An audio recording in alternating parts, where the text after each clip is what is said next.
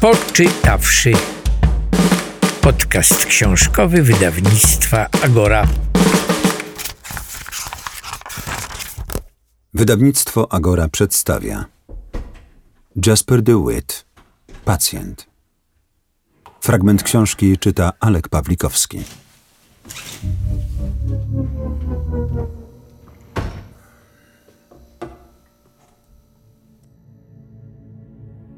13 marca 2008 roku.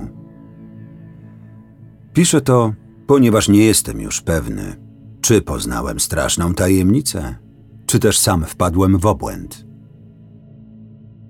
Jako praktykujący psychiatra, oczywiście zdaję sobie sprawę, że postawiłoby mnie to w złym świetle, zarówno z punktu widzenia moralnego, jak i zawodowego. Ale ponieważ nie wierzę, że zwariowałem, publikuję tę historię albowiem prawdopodobnie jako jedyni uznacie, że mogła się wydarzyć naprawdę. Dla mnie jest to kwestia zobowiązania względem ludzkości. Zacznę od tego, że wielce żałuję, iż nie mogę być bardziej konkretny w kwestii wymienionych tu nazwisk czy miejsc. Ale nie chcę trafić na czarną listę personelu medycznego jako ktoś, kto zdradza tajemnicę lekarską, nawet jeśli jest tak wyjątkowa. Dlatego chociaż opisane tu wydarzenia są prawdziwe, z uwagi na moją karierę zawodową i bezpieczeństwo czytelników, musiałem zmienić nazwiska oraz nazwy miejscowości. Mogę podać jedynie kilka szczegółów. Historia ta wydarzyła się na początku XXI wieku w stanowym szpitalu psychiatrycznym w Stanach Zjednoczonych. Ponieważ ukończyłem jedną z najbardziej prestiżowych akademii medycznych w Nowej Anglii i zaliczyłem wymagający staż w równie prestiżowej klinice w tym samym rejonie kraju, moi mentorzy byli bardzo stanowczy co do następnego szczebla mojej kariery zawodowej. W mało znanych i niedofinansowanych szpitalach pracowali jedynie zwykli śmiertelnicy z pipidówki, a nie lekarze z dewizą Uniwersytetu Yale na dyplomie – a już na pewno nie tacy, którym, podobnie jak mnie, świetnie szło na studiach i podczas szkolenia klinicznego. Z drugiej jednak strony miałem gdzieś tego rodzaju rywalizację. W dzieciństwie, gdy moja chora na schizofrenię paranoidalną matka trafiła do zakładu, otarłem się o system ochrony zdrowia psychicznego – Dlatego bardziej niż zaszycie się w wygodnym i jakże funkcjonalnym kokonie opieki psychiatrycznej dla wyższych warstw społeczeństwa, interesowało mnie naprawianie wadliwych elementów medycyny. Ale żeby dostać pracę nawet w najgorszym szpitalu, musiałem mieć referencje, co oznaczało, że musiałem również uwzględnić dominujące w tym zawodzie uprzedzenia – tak się przypadkiem złożyło, że pewien wyjątkowo zrzędliwy lekarz, do którego się zwróciłem o opinię, znał ze studiów dyrektorkę medyczną pobliskiego szpitala stanowego. Doszedł do wniosku, że praca u kogoś takiego jak ona ustrzeże mnie, przynajmniej od nabycia złych nawyków. Poza tym, nasz rozbuchany altruizm sprawi, że będziemy do siebie pasowali. Chętnie się zgodziłem, Częściowo po to, żeby zdobyć referencję, częściowo dlatego, że zarekomendowany przez niego szpital, mały ponury ośrodek, który nazwę Stanowym Zakładem dla Psychicznie Chorych, w skrócie SZPC, żeby uniknąć pozwu sądowego. Doskonale odpowiadał moim preferencjom jako jeden z najbardziej niedofinansowanych i feralnych w Connecticut. Gdyby nie moja postawa naukowa, która odrzuca antropomorfizowanie zjawisk naturalnych, wydawałoby się, że nawet aura próbuje ostrzec mnie przed wyjazdem na rozmowę w sprawie pracy. Jeśli byliście wiosną w Nowej Anglii, na pewno wiecie, że tamtejsza pogoda bez najmniejszego strzeżenia potrafi zmienić się na paskudną, ponieważ, tu przepraszam Foresta Gampa, klimat jest tam jak pudełko gówna. Nigdy nie wiesz, na jakie trafisz, ale możesz być pewny, że każde będzie śmierdziało.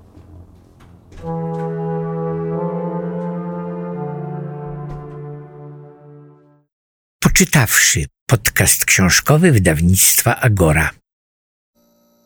Każdy szpital ma co najmniej jednego pacjenta, który swoją dziwacznością wykracza poza tę spotykaną zwykle w oddziałach psychiatrycznych.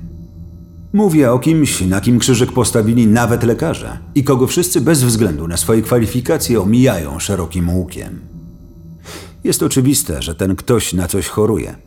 Problem w tym, że nikt nie wie na co ani dlaczego. Wszyscy jednak zdają sobie sprawę, że próbując tego dociec, sami popadną w obłęd. Nasz pacjent był wyjątkowo osobliwy. Zacznijmy od tego, że trafił do szpitala jako małe dziecko i jakimś cudem wytrwał u nas ponad 20 lat. Chociaż nikomu nie udało się go zdiagnozować. Miał nazwisko. Lecz powiedziano mi, że nikt w szpitalu go nie pamięta, ponieważ uznano, że jego przypadek jest tak trudny, iż nie warto sobie zawracać głowy ponownym przeglądaniem dokumentacji medycznej. Kiedy już musiano o nim rozmawiać, nazywano go Joem. Piszę rozmawiać o nim, bo nikt nie rozmawiał z nim. Joe nigdy nie wychodził ze swojego pokoju. Nigdy nie uczestniczył w terapii grupowej, ani nie odbywał sesji sam na sam z psychiatrą czy terapeutą. Zresztą wszystkich przestrzegano, żeby trzymali się od niego z daleka i kropka. Podobno jakikolwiek kontakt z innym człowiekiem, nawet wykwalifikowanym profesjonalistą, jeszcze bardziej pogarszał jego stan. Regularnie widywali go jedynie salowi, którzy zmieniali mu pościel albo przynosili i zabierali tacę z jedzeniem, oraz pielęgniarki dbające o to, żeby przyjmował przepisane leki. Ich wizyty przebiegały zazwyczaj w upiornym milczeniu i zawsze kończyły się tym, że ludzie ci wyglądali potem tak, jakby mieli ochotę spożyć cały zapas alkoholu w najbliższym sklepie monopolowym.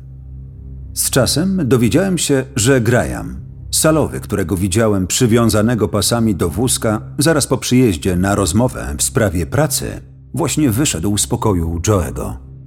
Jako nowy członek zespołu psychiatrów miałem dostęp do historii choroby tego pacjenta oraz do listy przepisywanych mu leków. Lecz nie znalazłem tam zbyt wielu informacji. Wyglądało na to, że dokumenty w jego niezwykle cienkiej teczce pochodzą jedynie z ostatniego roku i składają się z list administrowanych Joemu medykamentów, łagodnych antydepresantów i środków uspokajających. Najdziwniejsze jednak było to, że w udostępnionych mi materiałach brakowało jego pełnego nazwiska, które zastąpiono lakoniczno-humorystycznym przydomkiem Joe. Jako młody, ambitny lekarz, absolwent prestiżowej akademii medycznej, dumny ze swoich stopni i nieznający skromności, byłem zafascynowany tym przypadkiem. I kiedy tylko usłyszałem o Joem, postanowiłem go wyleczyć.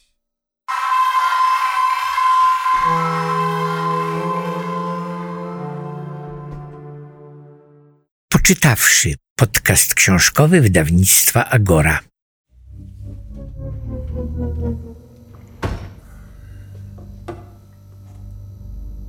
Józefa I.M. przyjęto do szpitala w 1973 roku. Miał wtedy sześć lat. Jego teczka była tak zakurzona, że nie otwierano jej chyba od dziesięciu lat. I tak gruba, że pękała w szwach ale zawarte w niej notatki kliniczne przetrwały w zaskakująco dobrym stanie. Podobnie jak nieudane czarno-białe zdjęcie jasnowłosego chłopca, patrzącego w obiektyw dziko rozszerzonymi oczami. Poczułem się nieswojo na sam ten widok. Dlatego odwróciłem wzrok i zacząłem przeglądać notatki. Czytając, zdałem sobie sprawę, że informacje, iż Joe'ego nie zdiagnozowano, nie do końca odpowiadają prawdzie. To nie diagnoza stanowiła problem. Problem stanowiło to, że diagnoz było kilka, a symptomy Joego zdawały się nieprzewidywalnie mutować. Najbardziej zaskakujące okazało się jednak to, że przed laty, na początku swojego życia w systemie naszej opieki psychiatrycznej, po ledwie 48 godzinach pobytu w szpitalu, wypisano go do domu. Oto pełny tekst notatki klinicznej sporządzonej wówczas przez jednego z lekarzy. 5 czerwca 1973 roku. Pacjent Joseph M. jest sześcioletnim chłopcem cierpiącym na dojmujące koszmary nocne, łącznie z plastycznymi halucynacjami, w których mieszkający w ścianie jego pokoju potwór wychodzi nocą, żeby go nastraszyć. Rodzice przyprowadzili go do nas po wyjątkowo gwałtownym epizodzie, podczas którego nabawił się licznych siniaków i otarć. Pacjent twierdzi, że pochodzą one od szponów potwora. Może to wskazywać na skłonności do samookaleczania. Przypisano 50 mg trazodonu oraz podstawową terapię. 6 czerwca 1973 roku. Pacjent w pełni współpracował podczas sesji terapeutycznej. Cierpi na ostrą entomofobię i prawdopodobnie ma halucynacje wzrokowo-słuchowe. W nocy spał dobrze, ale jak wyjaśnił, tylko dlatego, że potwór tu nie mieszka. Skonfrontowany z teorią, że potwór jest wytworem jego własnej psychiki, zareagował bardzo pozytywnie, co wskazywałoby, że dręczą go jedynie normalne dziecięce lęki. Rodzicom zaproponowano, żeby zostawili go w szpitalu na dodatkowe 24 godziny i skierowali na łagodną kurację neuroleptyczną w razie ponownego wystąpienia halucynacji. Rodzice przychylili się do tej sugestii. Omal nie parsknąłem śmiechem. Uznałem, że to niedorzeczne, żeby te dwa krótkie wpisy stanowiły preludium do dziesiątków lat koszmaru. Mimo to czytałem dalej. Według notatek po dodatkowych 24 godzinach Joe'ego wypisano ze szpitala. Znalazłem również wzmiankę o taśmie nagranej podczas sesji terapeutycznej, której numer skrzętnie zapisałem w notesie. Optymizm lekarzy okazał się najwyraźniej przedwczesny, ponieważ następnego dnia Joe wrócił do szpitala. Tym razem z o wiele poważniejszymi zaburzeniami. I tym razem już go nie wypisano.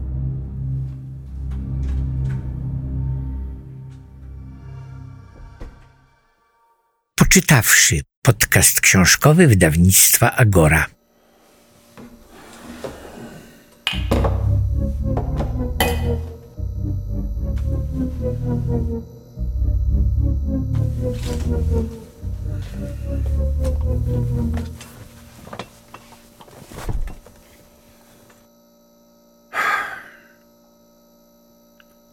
Współlokatorem Joe'ego był sześciolatek, wykorzystywany seksualnie przez ojca i przyjęty do szpitala z zespołem stresu pourazowego.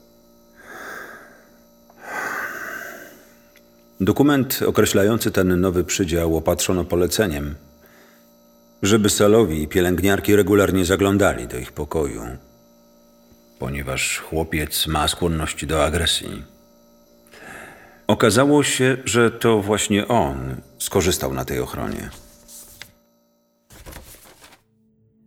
18 grudnia 1977 roku. Pacjent Nathan I został przeniesiony do pokoju połączonego z pokojem Josepha M. Godzina 22 ogłasza się ciszę nocną. Godzina pierwsza 34. Salowi słyszą, że Nathan szlocha i przeraźliwie krzyczy. Godzina pierwsza 36. Salowy Byron R. wchodzi do pokoju i widzi, że Joe leży na Nathanie, próbując go zgwałcić. Nathan zostaje wyprowadzony, a Joe skrępowany i umieszczony w separatce. Na ciele Nathana znaleziono siniaki oraz liczne ślady ugryzień. Stwierdzono też lekkie naderwanie odbytu. Chłopca przewieziono na leczenie do innego szpitala i wydano polecenie, żeby Joe'ego na tydzień zatrzymać w odosobnieniu. Personelowi zabroniono rozmawiać o sprawach związanych z seksem w pobliżu niepełnoletnich pacjentów. Usilnie zalecane jest zwolnienie wszystkich salowych, z wyjątkiem Byrona R. Ostatnim współlokatorem Joe'ego, wyselekcjonowanym z ogólnej populacji pacjentów chorych psychicznie, Był nastoletni narkoman uzależniony od amfetaminy i cierpiący na zespół osobowości paranoicznej. Wybrano go prawdopodobnie dlatego, że mógłby łatwo obezwładnić Joe'ego, gdyby został zaatakowany. W ramach dodatkowego środka ostrożności, żeby nie zrobili sobie krzywdy, umieszczono ich w pokoju, w którym mieli przebywać stale skrępowani. Ale to też nie poskutkowało. 20 grudnia 1977 roku. Po pierwsze, ktoś powinien załatwić nam mocniejsze pasy. Po tym, co ubiegłej nocy stało się z Claudem Y i po tym, co wydarzyło się w zeszłym tygodniu, będziemy musieli zapewnić opinię publiczną, że nic takiego już się nie powtórzy. Poza tym, niech Salowi jeszcze raz dokładnie obejrzą ten pokój, bo ich wyjaśnienia są zupełnie absurdalne. Wszystko jedno, na jak poważne zaburzenia cierpiał Claude. W tym pokoju nie ma nic, co mogłoby wystraszyć go do tego stopnia, że przegryzł wielowarstwowe skórzane pasy i wyskoczył przez okno. Pasy trudno przegryźć nawet po typowym zastrzyku adrenaliny. Ale wyważyć zakratowane okno? Coś jest z nim nie tak. Z oknem, łóżkiem czy kratami. Bez względu na wszystko zamierzam się dowiedzieć, jak to dziecko doprowadza do takich wypadków. Jutro wieczorem ma je pilnować salowy. Przydzielcie którego chcecie. Upewnijcie się tylko, czy ma się czym bronić. Traktujcie Josefa M. jak obłąkanego przestępcę, chociaż nie licząc incydentu z Nathanem, nie możemy mu nic udowodnić. Aha, i niech salowy weźmie magnetofon. Nawet jeśli ten mały skurwiel będzie tylko oddychał, chcę ten oddech poddać analizie.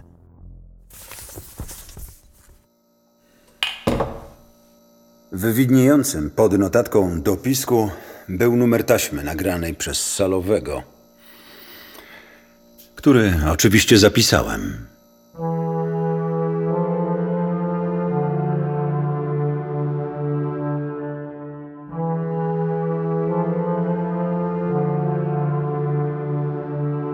Pacjent.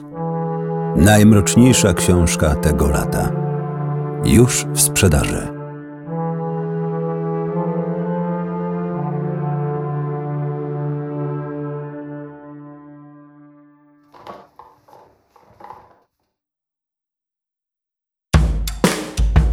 Poczytawszy. Podcast książkowy wydawnictwa Agora.